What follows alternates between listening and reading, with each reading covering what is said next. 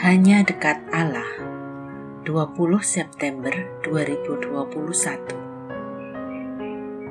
Pada Allah lah hikmat dan kekuatan.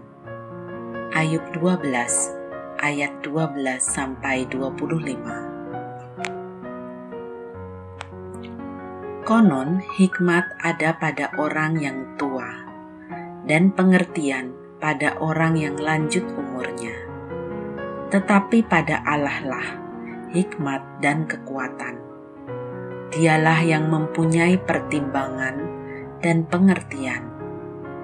Ayub 12 ayat 12 dan 13 Dalam Kamus Besar Bahasa Indonesia, kata konon berarti kata orang, kabarnya, katanya sesuatu yang sudah dipahami sebagai anggapan umum.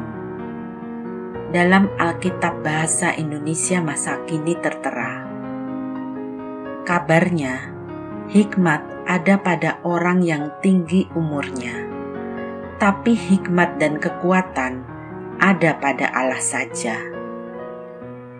Konon pengertian ada pada orang yang lanjut usia namun pengertian dan wewenang ada pada Allah jua.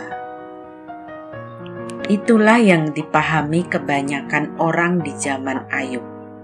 Kita pun punya istilah asam garam yang dipahami bahwa semakin berumur seseorang, dia akan memiliki pengalaman hidup. Pengalaman hidup itulah yang membuat seseorang menjadi berhikmat Premis ini pun tidak terlalu sahih sebenarnya. Pertanyaan yang mendasar berkait hikmat adalah, apakah orang itu belajar dari pengalaman hidupnya? Jika tidak, tentu tak bisa dikatakan berhikmat. Sehingga kata konon dan atau kabarnya memang tepat digunakan.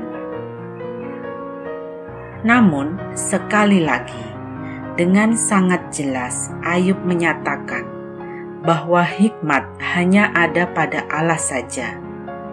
Kalaupun manusia berhikmat, itu juga karunia Allah, sehingga pentinglah bagi manusia untuk memohon hikmat kepada Allah saja. Juga kekuatan, karena hikmat perlu ditopang kemampuan untuk menerapkannya. Salam semangat dari kami, literatur perkantas nasional, sahabat Anda bertumbuh.